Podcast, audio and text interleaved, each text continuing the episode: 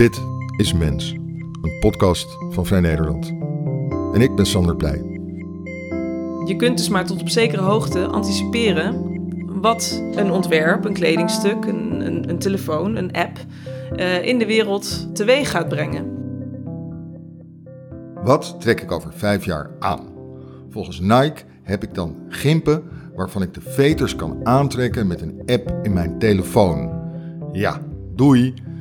Paulien van Dongen die is een Nederlandse modeontwerpster en zij baarde veel opzien en succes met haar Solar Shirt. Dat was een shirt waarbij je telefoon kan worden opgeladen door zonnepanelen die al in, dus in je t-shirt zitten. Ik dacht, leuk, weer een gadget. Wat hebben we eraan? Tot ik naar Paulien van Dongen toe ging en bleek dat het toch heel anders zit met dat onderzoek dat zij allemaal doet naar onze kleding.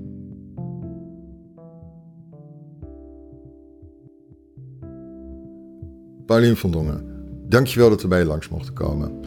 Jij bent mode gaan studeren na de middelbare school. Waarom wilde je dat doen?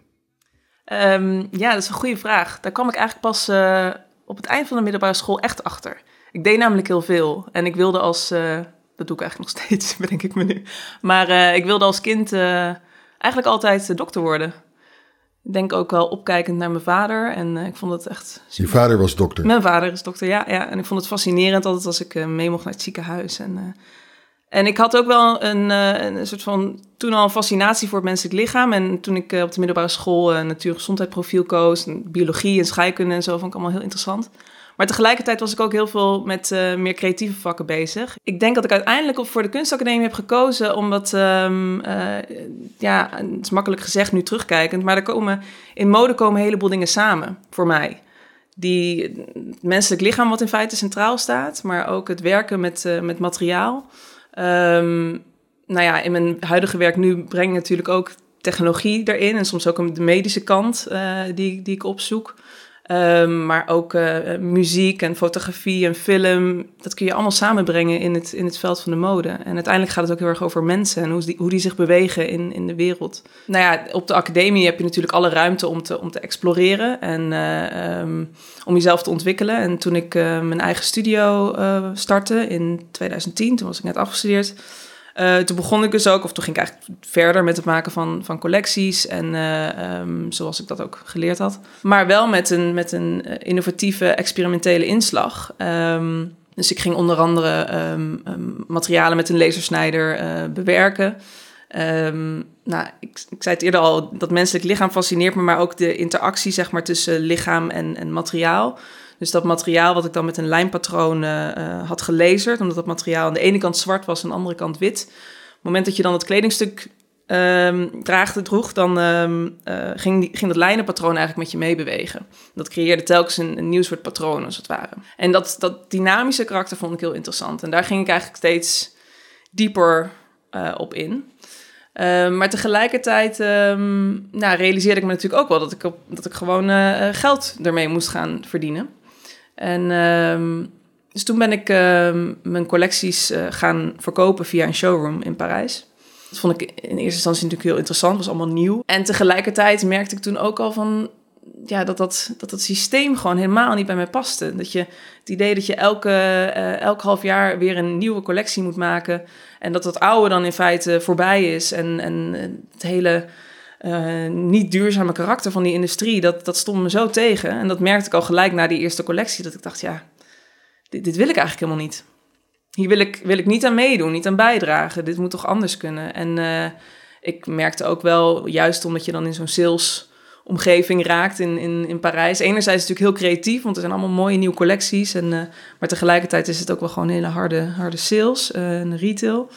Ik merkte ook wel dat er gewoon heel weinig aandacht en ruimte was voor, voor innovatie. Um, en dat alles maar heel toegankelijk en, en, en commercieel haalbaar moest zijn. En um, ja, dat, dat stond me eigenlijk helemaal niet uh, aan. Nou heb ik misschien een, een beetje een vooroordeel tegen het woord innovatie. Maar ik denk dan ook aan mensen die uh, komen met een, een, ja, een leuk nieuw speeltje. En dan uh, is iedereen heel geïnteresseerd. En dan gaan ze het allemaal kopen en dan gooi je ze weer weg tot ze een nieuw speeltje hebben. Innovatie lijkt mij niet zaligmakend iets. Wat, wat, wat werd je uiteindelijke drive? Wat, wat... Ja. Nee, dat is een heel goed punt. Dat ben, ben ik zeker met je eens. En ik denk ook dat het domein waar ik me nu in begeef, wearable technology, dat daar, uh, dat er zich heel veel afspeelt onder die noemer innovatie. En dat het uiteindelijk tot, uh, tot waardeloze gadgets uh, leidt. dat is een van mijn frustraties nu. um, maar um, wat mijn belangrijkste drijfveer was eigenlijk, wat ik ook merkte toen ik in Parijs was, maar ook überhaupt. Ik bedoel, je hoeft maar uh, de stad in te lopen en, en, en je wordt er al uh, continu mee geconfronteerd. Met het feit dat mensen zo weinig waarde hechten aan hun kleding.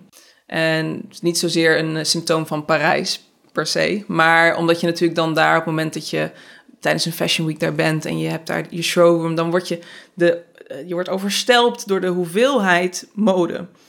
En de hoeveelheid ontwerpers en de hoeveelheid nieuwe ontwerpers. En dat je op een gegeven moment denkt, maar waar zijn we allemaal mee bezig? Is dit wel nodig? Wie... Ja, er is niks tegen goed ontwerp en, en mooie dingen en mooie materialen. Natuurlijk, daar hou ik ook heel erg van. Maar um, ja, het moet wel uiteindelijk een bepaald doel ook hebben. Het, de, de veelheid daarvan, dat, dat was denk ik wat me ook... Uh, ja, waardoor ik vragen ging stellen. En, en mezelf ook vooral kritisch ging bevragen. Hè? Van ben ik dan de volgende ontwerper in dat systeem die iets moois in de wereld brengt? Is dat echt wat we nodig hebben, zeg maar? Um, en mijn belangrijkste vraag was dan ook van ja, hoe, hoe kun je er nou voor zorgen dat, dat we een ander soort relatie met onze kleding krijgen? Wat, wat, is, wat is daarvoor nodig? Dus toen moest je een beetje een stap maken. Je moest je, uh, na een succesvolle collectie in Parijs te hebben mm -hmm. getoond, moest je wat anders gaan, gaan vinden. Ja, ja. Hoe ging dat? Ja. Ik, ben toen, ik heb overigens nog een tweede collectie toen gepresenteerd. En dat was eigenlijk nou, een extra bevestiging. Want toen zei mijn agenten in de showroom, die zei ook... ja, nee, ja, het moet toch nog wel, nog wel wat commerciëler. Nou ja, en toen dacht ik, oké, nou hier ben ik weg. Dit was het dan. Um, en uh, omdat ik al, ja, natuurlijk een beetje die innovatieve... Uh, dat innovatieve stempel had gekregen doordat ik met 3D-printen had gewerkt en met lasersnijden. Zodoende kwam uh, uh, Philips, uh, met name Philips Research eigenlijk, die kwamen toen, ja, klopte bij mij aan en die, die vroegen toen of ik een project wilde doen. En zo, zo is dat eigenlijk een beetje zo gaan, gaan rollen, dat ik steeds meer projecten ging doen en in samenwerking met technologiebedrijven of textielbedrijven die iets nieuws wilden ontwikkelen. En, um... Kun je misschien eventjes je gewoon twee, drie opvallende, voorbeeldige kledingstukken noemen die je hebt ontworpen. En ja. dat... ja, ik denk een heel goed voorbeeld is uh, uh, het Solar Shirt. Dat is een, uh, een t-shirt wat voortgekomen is eigenlijk uit een, uit een langere ontwikkeling... waarbij ik heb gekeken naar hoe je zonnecellen kunt integreren in, in kleding. ik ben daar in 2013 mee begonnen. En dat shirt, dat is... Um, dat heeft, is eigenlijk een t-shirt met 120 kleine, dunne zonnecellen erop. En die zijn met elkaar verbonden door middel van geprinte elektronica. En die geprinte elektronica en die zonnecellen, die kun je eigenlijk um, uh, op textiel lamineren. En daardoor wordt het een heel ja, naadloos geheel. En vorm, vormen die zonnecellen en, de, en de, het circuit in feite, het elektronisch circuit, ook een soort uh, grafische print als het ware op het t-shirt. Dus het wordt ook onderdeel van, van de hele esthetiek. En met, die, met dat shirt uh, kun je energie opwekken op een duurzame manier. En um, nou ja, dat is, dat is de pure functionaliteit daarvan. Uh, je kunt daarmee een telefoon opladen op dit moment. Um, wat ik zelf gemerkt heb, is dat op het moment dat je dat shirt draagt, want ik heb het veel zelf gedragen ook, dan uh, ik ging bijvoorbeeld onbewust zelfs in het begin uh, aan de zonnige kant van de straat lopen. Um, of het shirt maakt je eigenlijk meer bewust van, van de weersomstandigheden. Of je, je hebt in ieder geval ook een, een, een beter idee van... oh, hoeveel moet ik nou eigenlijk buiten zijn om überhaupt die telefoon op te kunnen laden? Je, bent, je hebt een heel ander soort relatie met, met energie in feite. Anders dan dat je een telefoon gewoon in de, in de muur en een uh, stopcontact steekt... en het uh, een uur, laat, uur later weer eruit uh, haalt. een ander, nou, een recent voorbeeld misschien. Ehm, dat is um, ontwerp, het heet Isho. En Isho is, uh, um, betekent uh, gezamenlijkheid, gedeeld in het, in het Japans. En dat Isho is een, een denim jas, een spijkerjas. En ehm, in die jas zitten geleidende garens verweven. En dat zijn in feite garens die elektriciteit kunnen geleiden. En doordat we die in de, op de schouders eigenlijk hebben meegeweven... en ook naast een grote zak aan de voorkant van die, van die jas... worden die delen van de jas gevoelig voor aanraking. Dus eigenlijk een, een touch sensor. Op het moment dat iemand jou... Jij, jij, draagt de jas en iemand geeft jou een omhelzing... Um, raakt jou even op je schouder aan, dit soort sociale interacties, maar bijvoorbeeld ook als jij de hele tijd je telefoon in en uit je zak haalt, dan meet die jas dat. Die, die houdt dat in feite bij, maar die deelt dat niet met jou. Er is geen app mee verbonden, geen scherm. Um, je hebt geen inzicht in nou ja, die mate van, van sociale interacties. Totdat die jas op een gegeven moment jou uh, feedback geeft. Door middel van een, uh, een gevoel van, van een streling, een aanraking op je, op je bovenrug. Dat, dat simuleert hij als het ware door vier kleine vibratiemotortjes. Dus die zijn zo geprogrammeerd dat je dat gevoel hebt van dat iemand even over je rug strijkt. Met het idee dat je daarmee even wat meer bewust wordt van je eigen lichaam en nou ja, misschien waar je bent of wat je aan het doen bent. Los van dat hele nou ja, naar buiten gerichte waar je natuurlijk veel mee bezig bent. Dan, en krijg je die, krijg je die AI, een soort AI dus? Ja, ja. Krijg je die als je vaak bent aangeraakt of als je te weinig bent aangeraakt? Die krijg je als je te vaak bent aangeraakt. Te vaak? Ja, ja. maar je zou ook kunnen bedenken... Ik bedoel, het is natuurlijk dit is een, een voorbeeld van een concept. Je zou ook kunnen bedenken inderdaad... mensen die eenzaam zijn of uh, die even een... Uh, um, uh, ja, wat support of een, een, aanraking nodig hebben... dat het misschien daar ook voor interessant voor zou kunnen zijn.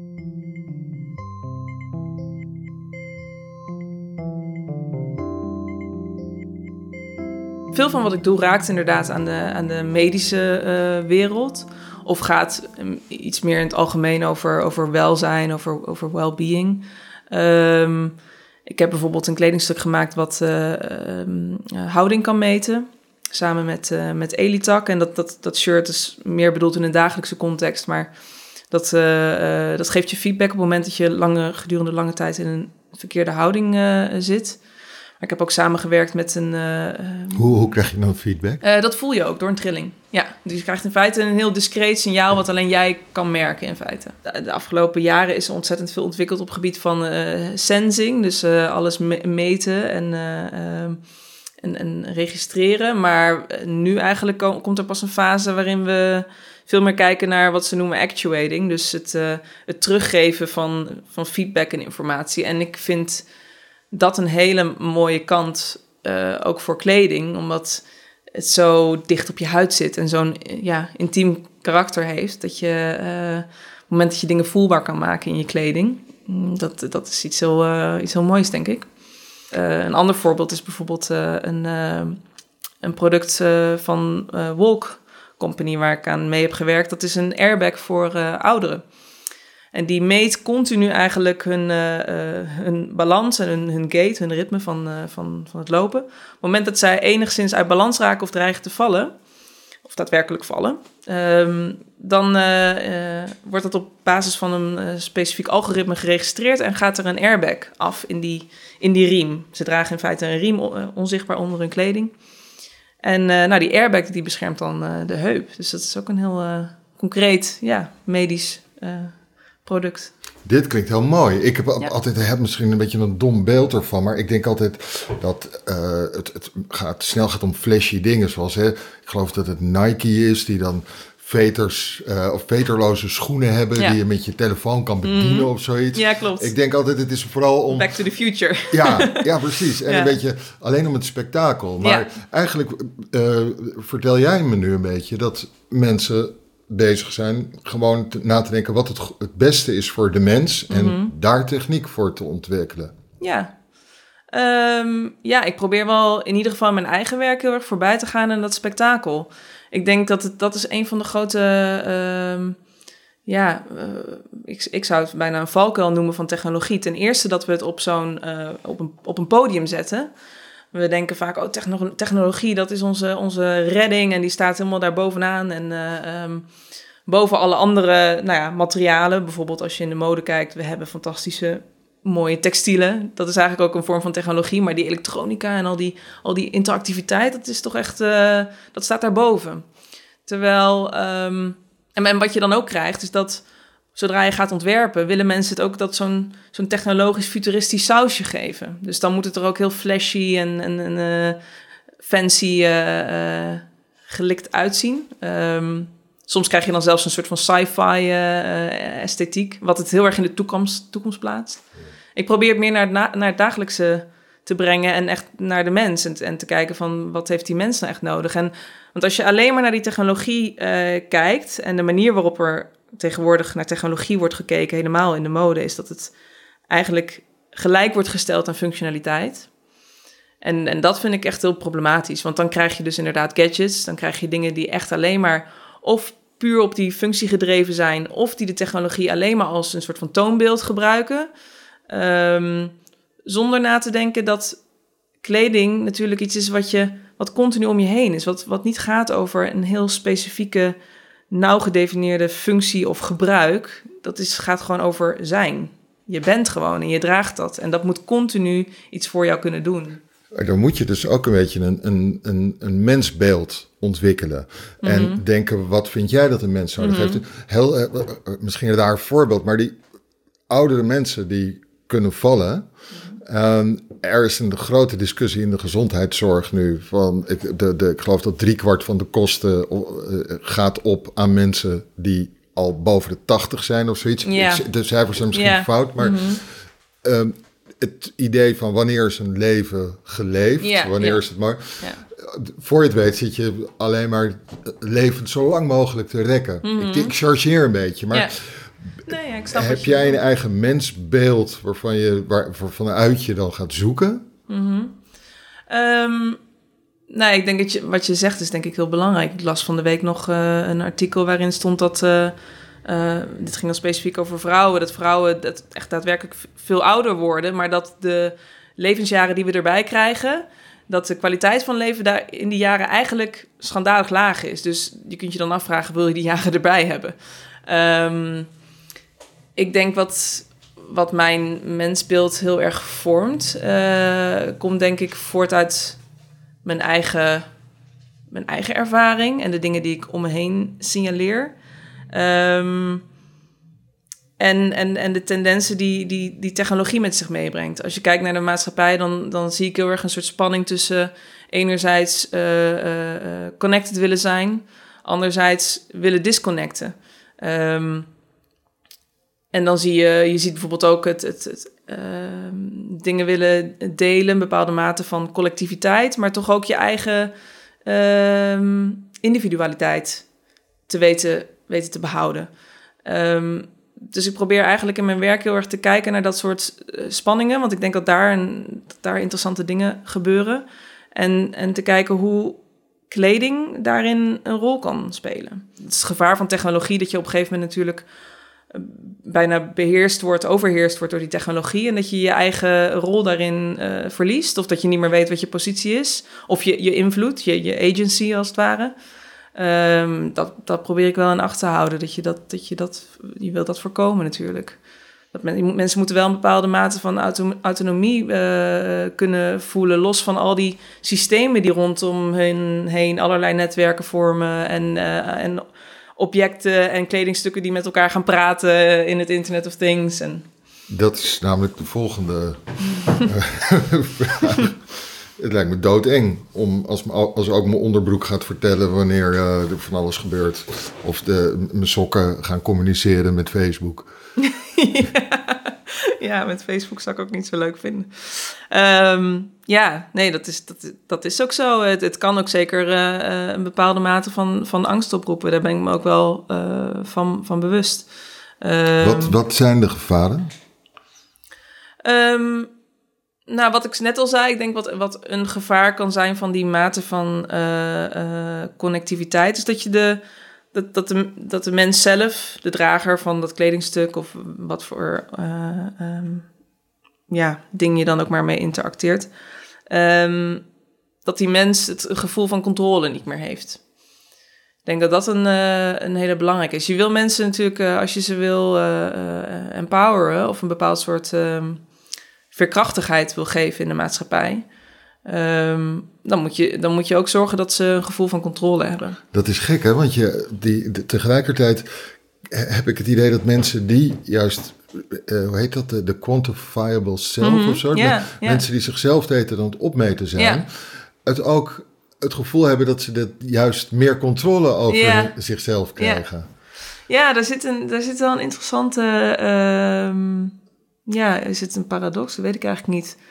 Denk dat het ook een heel persoonlijk iets is, überhaupt. Ehm, die mate van controle die mensen willen hebben.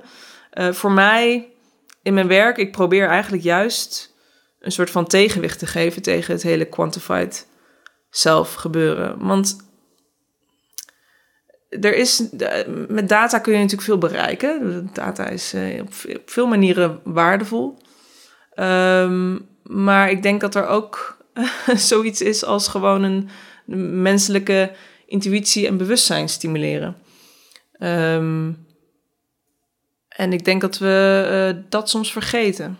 Dat we te veel grijpen naar allerlei tools, letterlijk.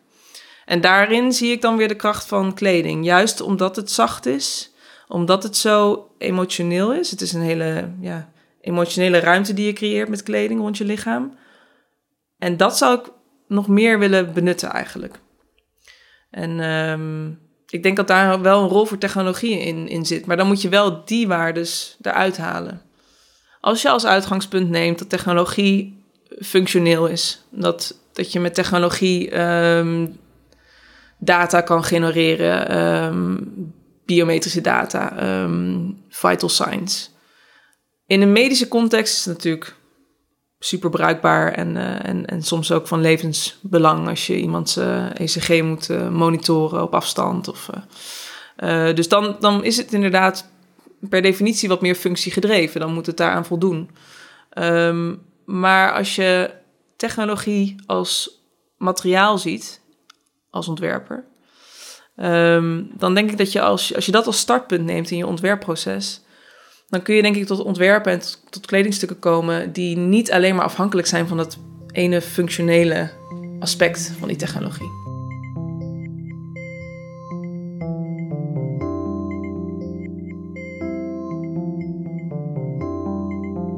Dat gaat heel erg over ethiek ook. Dat is iets waar ik, waar ik ook, ehm, nu ik mijn proefschrift eh, bijna af heb, eh, steeds, steeds meer mee bezig ben eigenlijk. Ehm, mijn, belangrijkste argument eigenlijk in het hele proefschrift is dat we technologie als, als materiaal moeten gaan zien. Ehm, ik schrijf het voor ontwerpers.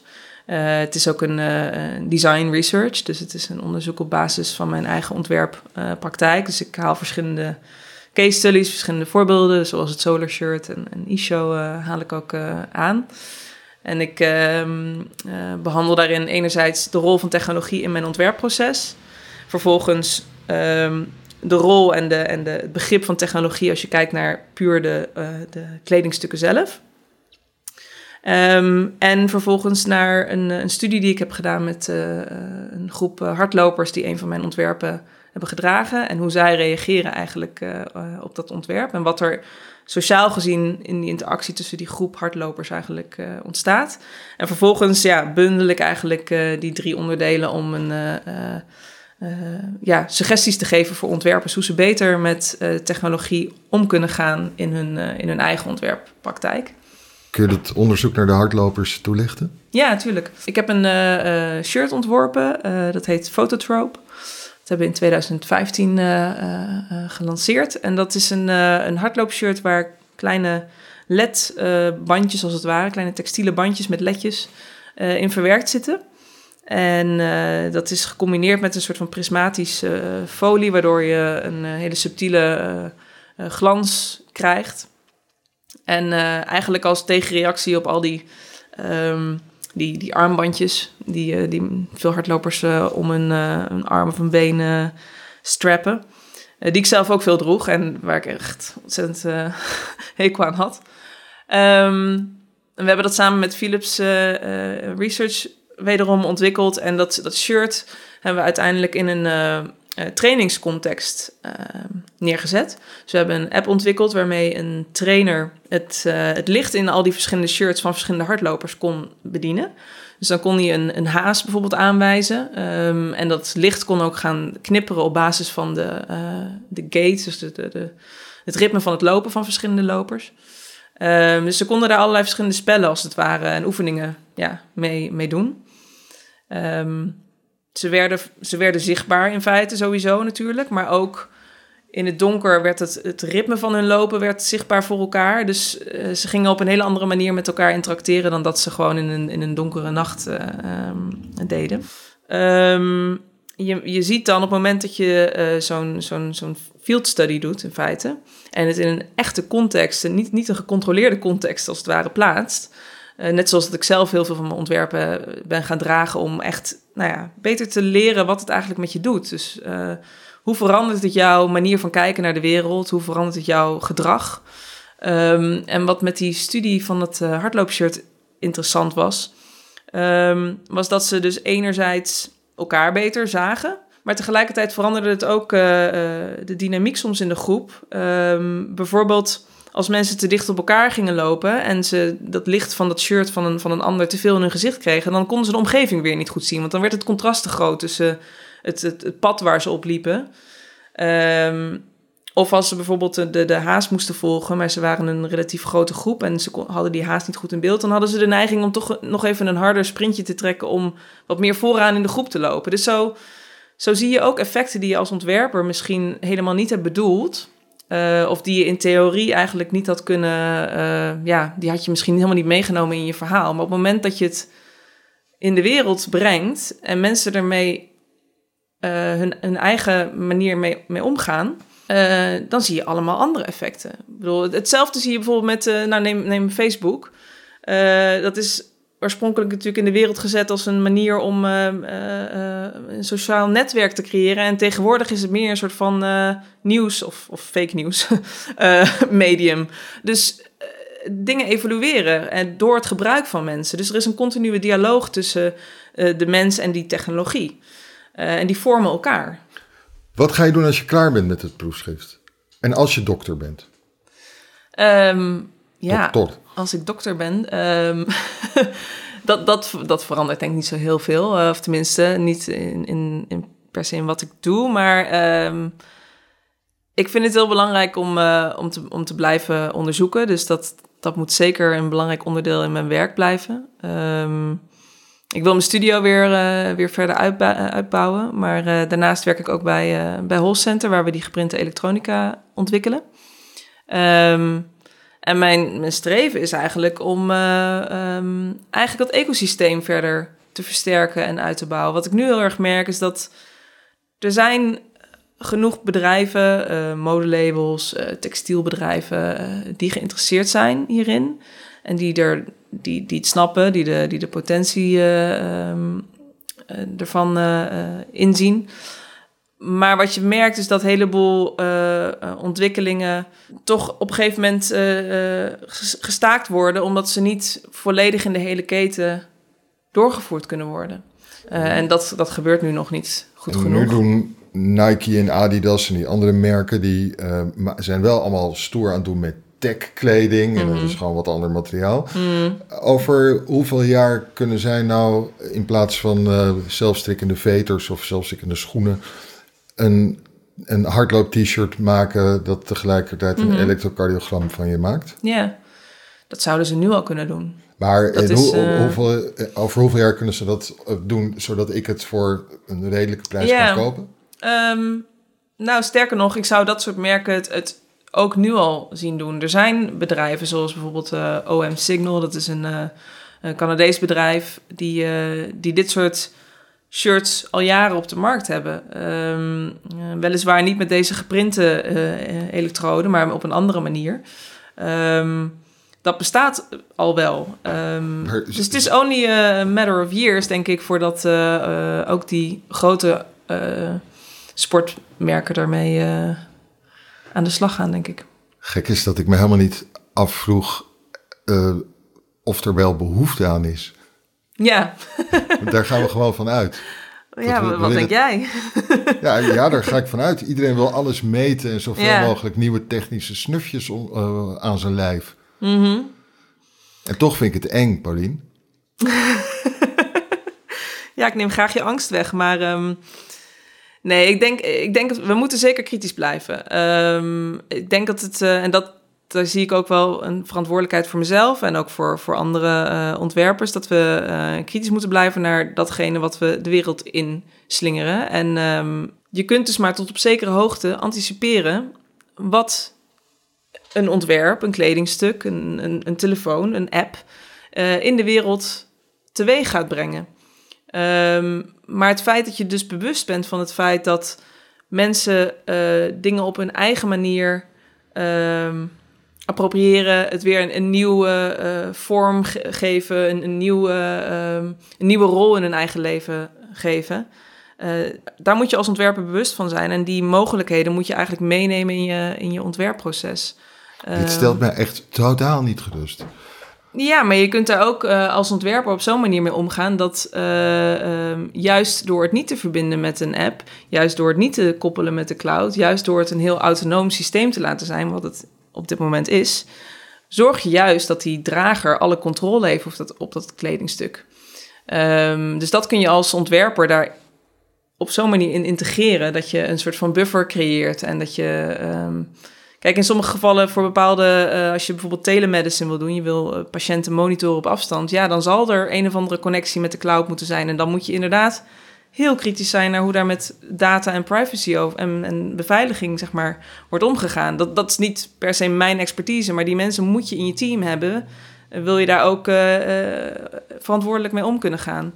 Ehm, en ik denk ook zeker dat mensen daar meer en meer en meer om gaan vragen en om gaan eisen. En daar kritisch op zijn voordat ze het überhaupt gaan dragen. Ehm, maar als je, als je het kan afschermen, als je het kan voorkomen en, en het juist heel erg soort van self, self-contained, autonoom kan houden, waarom niet? Je zegt, neem ik je angst weg? Of probeer, kan ik je angst proberen weg te nemen? Zelf heb je die dus niet zo. Ehm, eh, het is niet dat ik die angst totaal niet heb. Ehm, want ik kan natuurlijk alleen maar vanuit mezelf spreken als ontwerper en hoe ik daar zelf mee omga en hoe ik dat eh, verkondig aan andere ontwerpers eh, eh, om me heen. Ehm, en dat bewustzijn probeer te vergroten. Maar er zijn natuurlijk, tuurlijk, er zijn op allerlei fronten, als je met technologie, als je naar technologie kijkt, er is altijd, hoe dan ook, een positieve kant en een negatieve kant. Het is maar net hoe het gebruikt wordt. Ehm, en dat is, dat, is onoverkomelijk. Dat, daar kunnen jij en ik eh, geen, eh, geen verandering brengen, geen antwoord op geven. Dat, daar moet je je bewust van zijn. Daar, daar begint het mee. En daar is, dat is zeker niet het enige wat je kan doen. Ik denk dat daarom ook het heel belangrijk is dat, dat je dus zo multidisciplinair werkt. Dat je met een, eh, met een filosoof, een techniekfilosoof, een, een, een ethicus, dat je die mensen betrekt in je werk. Ehm, en niet pas op het moment dat al die dingen al de wereld in zijn, dan achteraf eens gaat bedenken: oh, wat, eh, dat was niet zo slim. Misschien moeten we daar toch even andere wetgeving of andere eh, manieren voor verzinnen. Ehm, dat is het enige wat ik ervan kan zeggen. Maar dat, ja, dat neemt mijn eigen angst ook niet volledig weg. Maar ik hoop wel dat uiteindelijk de mens zelf, de consument, een bepaalde mate van eh, eh, ehm, selectie en, en kritiek blijft houden. En ook niet zomaar zich laat verleiden tot, tot van alles en nog wat.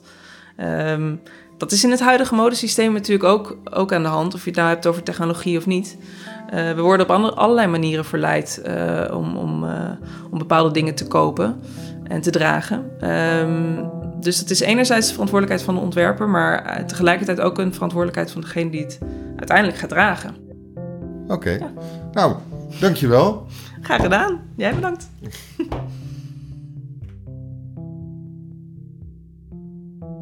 Je luisterde naar Mens, een podcast van Vrij Nederland. Sander Pleij ging in gesprek met modeontwerper Paulien van Dongen. In de volgende aflevering spreekt hij met Marleen Sticker, directeur van Waag Society, over internet en over de toegankelijkheid van techniek. Als je hebt geabonneerd, vind je de volgende aflevering als vanzelf in je favoriete podcast-app. Je kunt ook kijken op vn.nl slash mens voor de nieuwste aflevering. Mens wordt gemaakt door Sander Pleij en Misha Manita.